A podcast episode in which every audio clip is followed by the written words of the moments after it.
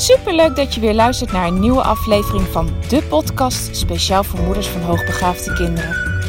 Mijn naam is Eveline Noordzij en in deze podcast deel ik tips en inspiratie, zodat jij meer en meer in jezelf gaat geloven en durft te vertrouwen op je intuïtie.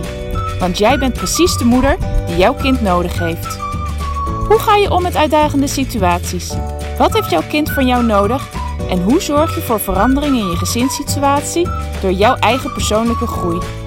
Ik heb er veel zin in om dit allemaal met jou te delen. Dus laten we voor vandaag maar gaan beginnen.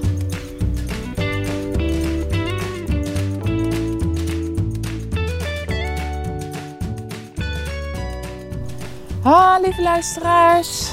Ik zit weer lekker op mijn bankje. Ik heb uh, gisteren besloten dat ik mijn rondje wandelen weer uh, op ga pakken. Mijn enkel speelt nog wel heel af en toe op, maar veel minder al dan voorheen. Dus uh, ik miste het zo ontzettend om te wandelen. Ik vind het uh, echt heerlijk dat ik weer begonnen ben. Het is echt even het momentje voor mezelf en dat heb ik heel hard nodig. En ik heb dan ook de tijd, rustig de tijd om de podcast op te nemen. En het is nu donker, echt pikken donker. Maar ja, ik ga gewoon weer lekker op mijn bankje zitten en ik ga je weer voorzien van allerlei informatie vandaag. Maar voordat ik start wil ik je nog een keer vertellen dat ik deze maand, en ik heb nu ook echt een datum vastgesteld, de, inschrijving voor het WhatsApp membership weer openstel. Dat zal zijn op woensdag, oh ik heb het net uitgerekend, uh, 23 november. S'avonds om 8 uur kan je, vanaf dat moment kan je je weer inschrijven. En de inschrijving zal sluiten op maandag de 28, 28 november. En dan de eerste drie aanmeldingen die ik in die periode krijg. Met hen ga ik ook 20 minuten persoonlijk in gesprek. Dan hoor ik vast je verhaal aan, dan weet ik vast wat er speelt. Dan hebben we de eerste kennismaking gehad. En dan kunnen we direct starten met, uh, met het WhatsApp membership. En dan kan jij uh, zo vaak als je wil gebruik maken van, uh, van mij, van mijn expertise. Ik denk met je mee. Ik zal je een spiegel voorhouden wanneer nodig. Ik probeer zo praktisch mogelijk in de oplossingen te zijn. Je kan met alle vragen bij mij terecht. Alles wat over je hoogbegaafde kind gaat. Of als je het vermoeden hebt dat je kind hoogbegaafd is. Ik neem je, ja, ik neem je aan de hand. En alles op, jou, op jouw vraag, op jouw verzoek. En de, die 20 minuten gesprekken die ik ga voeren met de eerste drie mensen die zich hebben aangemeld, die zullen plaatsvinden op woensdag 30 november. Ja, dat is woensdag 30 november in de avond. Heb ik een drietal plekken vrijgemaakt in mijn agenda en dan zullen wij het gesprek ook voeren. Dus zeg jij nu van ja, super, super, dit wil ik, dit wil ik. Zorg dat je even inschrijft voor de wachtlijst. Dat kan via mijn website. De link staat in de beschrijving van deze podcast. En wat is nou het voordeel als je je inschrijft? Is dat je een uur voor aanvang op woensdag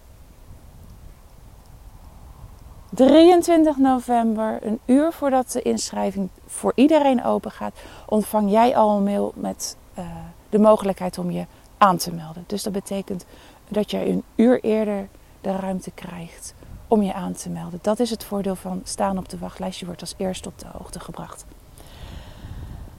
Nou, voor vandaag. Het gesprek wat ik vorige week met een uh, ouder had, die mij vroeg van joh, doe jij ook intelligentieonderzoek afnemen, maar word jij dan ook vergoed vanuit de gemeente?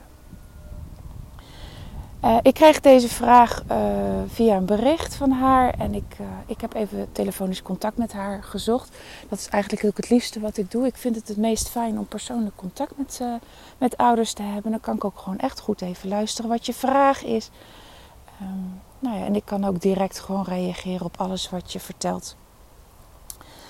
En allereerst, nee, ik word absoluut niet meer vergoed door of de zorgverzekeraar of door gemeentes. En dat is een hele bewuste keuze geweest.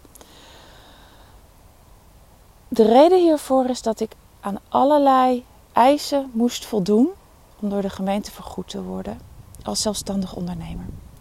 Nou heb ik er geen bezwaar tegen dat je aan bepaalde uh, ja, kwaliteitseisen moet voldoen. Hè? Dat je je opleiding hebt afgerond, dat je zoveel uren maakt of dat je je laat bijscholen. Ik vind het eigenlijk allemaal juist heel goed.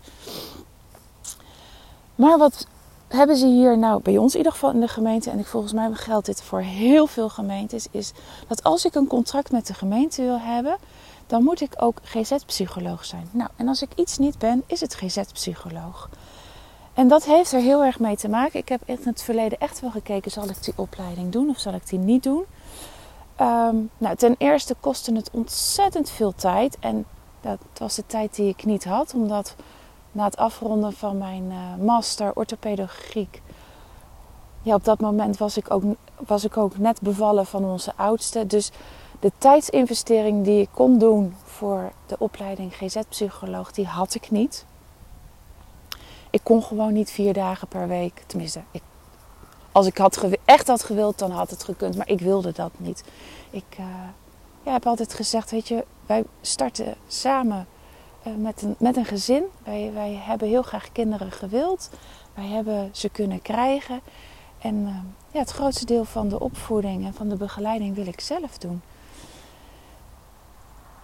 En daar, daar ben ik altijd achter blijven staan. En dat heeft ook gemaakt dat ik de keuze niet heb gemaakt om vier dagen uh, de opleiding ja, in te moeten zetten voor de opleiding GZ-psycholoog. Daarnaast was het in die tijd ook heel lastig om een goede plek te vinden. Ook toen het mogelijk was om het uh, in een wat rustiger tempo te doen. Toen waren de GZ-begeleidingsplekken gewoon niet, lagen gewoon niet voor het oprapen. En hoe anders is dat nu? En uiteindelijk nu, na al die jaren, na al die jaren mijn eigen praktijk te hebben, maar ook mijn eigen visie te hebben, mijn eigen manier van handelen, mijn eigen. Um, ja, alles, alles wat ik doe is anders. Anders dan de, de meeste psychologen of pedagogen zouden doen. Um, ik heb gewoon een hele andere visie op op het ouderschap, op de begeleiding, op ook een hele andere manier van werken als ik intelligentieonderzoek afneem. En op het moment dat ik er zo voor, weer zou voor kiezen om alsnog in te stappen in een GZ-opleiding, dan zal ik mezelf heel veel geweld aan moeten doen om in het plaatje te passen, in de opleiding te passen, uh, mijn praktijk af te ronden zoals passend is. En ja, die, die opoffering ben ik niet meer bereid om te doen. Ik merk gewoon dat mijn manier heel goed aansluit bij de mensen die, die bij mij terechtkomen. Die kiezen hiervoor. Die vinden het fijn dat ik op een andere manier kijk. Die vinden het, vinden het fijn op de manier waarop ik hen begeleid. En ik vind het ook fijn. Dit is de manier die bij mij past. En die ga ik geen, op geen enkele manier uh, geweld aandoen. Ik ga niet meer uh, ja, zorgen dat, dat ik een pleaser ben om maar uiteindelijk mijn GZ-psycholoogopleiding te behalen. Dus nou, dat is aan de ene kant waarom ik geen contract met de gemeente heb. Dan zou je zeggen, ja, via PGB. Ja, dat kon in het verleden ook. Uh, maar ook dat heb ik, uh, daarvan heb ik gezegd, weet je, ik, uh, ik, ik wil niet meer voldoen aan alle eisen die daarom trend ja, nodig zijn en dat heeft er ook mee te maken dat je, ja, je moet aangesloten zijn bij beroepsvereniging, bij kwaliteitsregisters. En uh, ook die stellen weer allerlei eisen aan, aan mij. En ja, daar, daar kan ik voor een deel niet aan voldoen, omdat ik een groot deel van de tijd in het buitenland zit. Daar wil ik ook niet aan voldoen, omdat ze mij dan ook een richting in duwen waar ik niet in wil zitten. En daar, daar, kom ik terecht op dezelfde uh, met dezelfde argumenten als voor, uh, voor het GGZ-psychologenschap. Uh, nee, en dat ga, dat ga ik gewoon niet meer doen. Dat zijn de keuzes die ik maak. En ja, dat betekent ook, hoe jammer ik dat ook vind, dat ik bepaalde ouders gewoon niet kan helpen. En dat vind ik echt heel, heel lastig soms ook echt wel. Want ja, ik, ik sta gewoon voor, mijn, voor mezelf en de kwaliteit die ik bied. En ik weet dat ik alle kinderen, alle vermoedelijk hoogbegaafde kinderen of hoogbegaafde kinderen, zo ontzettend goed kan helpen. Maar ja, dat is niet ja, wat de praktijk altijd brengt. Ik, ik, ja, er zit er gewoon een kostenpost aan, aan het intelligentieonderzoek. En ik kan. Uh, ik, ik kan daarin. Nee, ik kan wel anders, maar ik wil niet anders. Weet je, er zit gewoon enorm veel uren werk van mijn kant in een onderzoek. En als ik sec zou rekenen wat mijn uurtarief is, dan zouden de bedragen die ik nu vraag voor een onderzoek toch vele malen hoger liggen. En dat doe ik niet om toch te zorgen dat het voor zoveel mogelijk mensen bereikbaar is. Maar ja, uiteindelijk wil ik ook dat, dat het voor mij waardevol is dat ik het onderzoek doe. En tuurlijk is het waardevol als ik mensen kan helpen. Maar uiteindelijk, aan het eind van de maand, moet er ook gewoon brood op de plank. En wil ik ook uh, ja, mijn salaris verdiend hebben. En nou ja, zij vroeg dat. Ik heb dit ook met haar besproken en zij begreep dat ook helemaal. En we hebben, ik heb haar ook zeker van advies voorzien um, op basis van haar vraag. Daar was ze ook zeker mee geholpen. En toen zei ze, ja, maar stel nou dat ik het toch wil, heel graag bij jou. Hè? Um, wat zijn dan de mogelijkheden? Nou, ten eerste, ik heb natuurlijk gewoon verschillende pakketten. Dus je kan heel erg kijken naast wat je kind nodig heeft, ook van ja, wat is er ten aanzien van intelligentieonderzoek mogelijk. Uh, wat wel bij mijn budget past. En daarnaast geef ik uh, aan van weet je, op het moment dat het voor jou echt lastig is om, om het bedrag in één keer bij elkaar te krijgen, wat ik me heel goed kan voorstellen Laat het me dan ook weten en dan gaan we ook gewoon kijken hoe we kunnen zorgen dat het voor jou haalbaar is. Bijvoorbeeld door uh, gespreid te betalen. En um, nou, zij sloot af met van ja, daar ga ik zeker uh, over nadenken. Ik ga in ieder geval eerst aan de slag met de tips die je hebt gegeven. Omdat ik in haar verhaal heel erg hoorde dat, dat een intelligentieonderzoek waarschijnlijk ja, in mijn ogen niet de eerste stap is die gezet moet worden voor, de, voor het vinden van de antwoorden op de vragen die ze heeft rondom haar, uh, haar dochter. Daar zou ze mee aan de slag gaan. En als ze uiteindelijk ja, alsnog dat onderzoek bij mij zou willen afnemen, dan zou ze bij mij terugkomen. En, uh, nou, dat is helemaal prima. Weet je, ik, ik wil uiteindelijk wil ik gewoon dat ieder kind krijgt wat het nodig heeft. En dat is niet, dat kan niet altijd zijn een onderzoek en dat hoeft ook niet altijd. Um, en ik ben blij als ik daar haar, dat ik daar, nou, dat ik haar daarmee heb kunnen helpen door gewoon naar haar te luisteren en tips te geven. Dus ja, ook al twijfel je over een onderzoek of twijfel je of het financieel haalbaar is, weet dan dat, dat je uiteindelijk altijd uit een gesprek met mij ook gewoon iets kan halen. En die gesprekken zijn gewoon geheel vrijblijvend. Wat ik ook heel waardevol vond in het gesprek en wat ik heel erg met jou wil delen, is dat zij aangaf van weet je, wij, zowel thuis als op school, voor ons is het niet interessant dat onderzoek. Maar wij zijn heel erg zoekende op welke manier wij haar kunnen helpen door middel van uh, ja, de, in de faalangst. Het is een meisje wat heel erg laat zien, pas op het moment dat ze zeker weet dat ze iets kan. Ze gaat niet iets doen als ze daar nog niet zeker van is. En um, dit is, dit is wel iets wat ik, wat ik echt heel vaak hoor van ouders. Wat er, zij zei van ja, dit is, dit is passend bij hoogbegaafde kinderen. Nou, dit is niet passend bij alle hoogbegaafde kinderen. Maar er zijn zeker hoogbegaafde kinderen die hier ook last van hebben. Tenminste, in de zin last van hebben. Ze hebben daar geen last van. Het is namelijk hun manier van leren. En het is voor hen niet vervelend. Het is voor hen pas vervelend omdat het onderwijs niet gericht is op deze kinderen. Op het moment dat jij hier thuis mee te maken zou hebben, zou het voor jou geen enkel probleem zijn. Zou je te maken hebben met een school die niet uh, lesstof steeds aanbiedt op het moment dat een kind er nog niet zeker van is dat ze het kunnen. Tenminste, ze, mogen het, ze kunnen het wel aanbieden, maar niet verwachten dat je kind er ook iets mee gaat doen, zou daar ook geen probleem zijn. De uitdaging zit hem heel erg in het feit dat deze kinderen het niet gaan laten zien als ze er nog niet zeker van zijn. En ja, dan, dan, dat is lastig. Dat is echt lastig in het huidige onderwijsstelsel, waarin er stof wordt aangeboden en er gevraagd wordt of je het alsjeblieft wil gaan verwerken. Ook al ben je er zelf nog niet van overtuigd dat je het kan. En heel vaak, en dat zei deze moeder ook, heel vaak hoor ik dan, ja, maar ze, hebben, ze leren niet leren. Uh, nee, ze leren niet leren in de zin van dat ze niet iets gaan doen op het moment dat ze daar voor zichzelf nog geen vertrouwen in hebben. Maar ze zijn wel degelijk aan het leren. Alleen alle, al het leren, alle verwerking vindt plaats in het hoofd. En wat bedoel ik daar nou mee?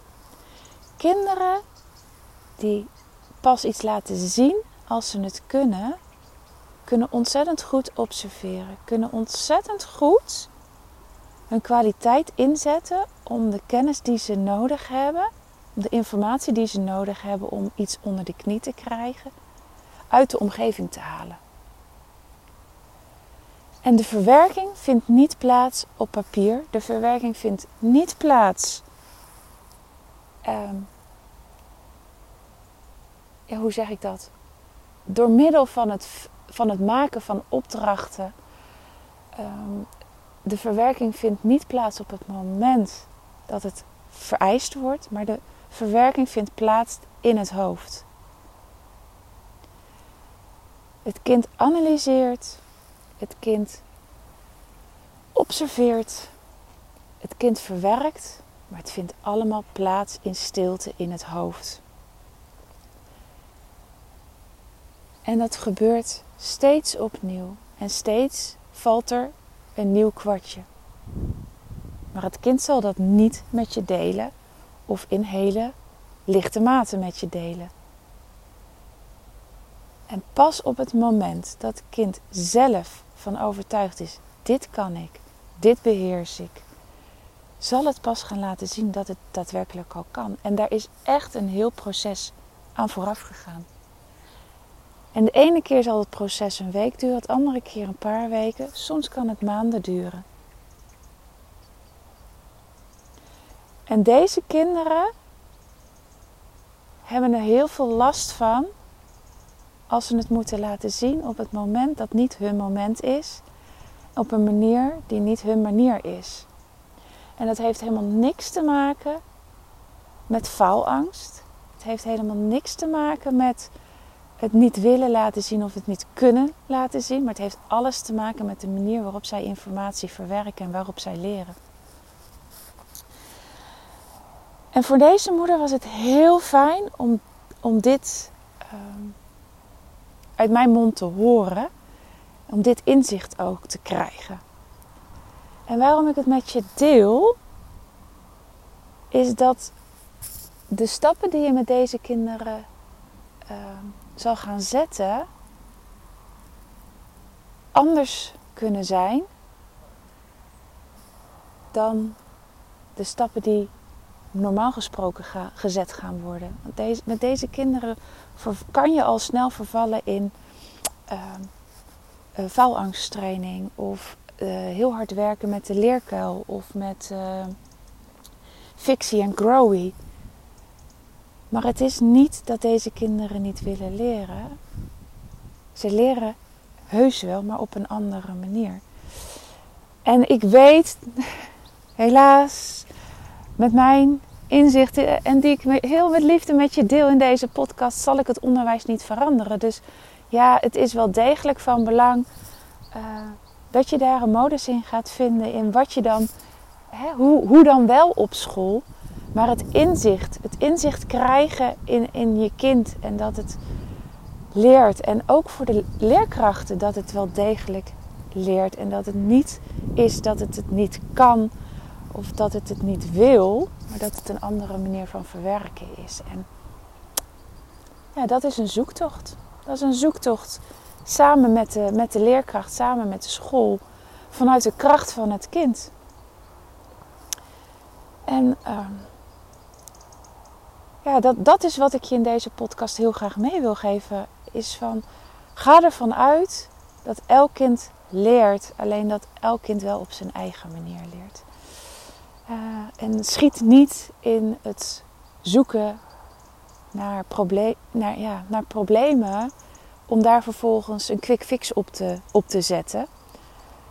Uh, maar ga veel meer zoeken naar, ja, is dit inderdaad de manier waarop mijn kind leert? En als ouder weet je dat. Jij hebt dit al gezien toen je kind jong was. Vaak al in die eerste vier jaar toen het kind nog niet naar school ging.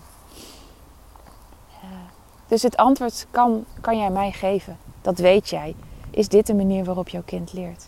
Nou, en als je die stap, als je dat inzicht hebt en dat weet, dan kan je ook op zoek gaan naar, ja, dat, naar wat, wat, wat dan wel nodig is, ook binnen het onderwijs. Ik ga afsluiten, want volgens mij zit ik al een hele tijd te kletsen. Inmiddels begint de zon. Nou ja, de zon die zie ik niet. Maar het begint licht te worden. Laat ik, laat ik het daarop houden. Dus de zon komt wel ergens op, dik ver achter wolken. Uh, maar het begint licht te worden en ik ga deze podcast dan ook beëindigen.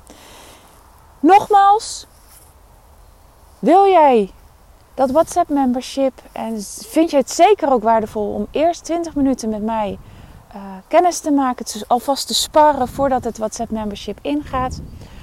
Op 30 november vinden die gesprekken plaats. Heb jij dan tijd en ruimte? Meld je dan vast aan, aan de wacht, in de, voor de wachtlijst.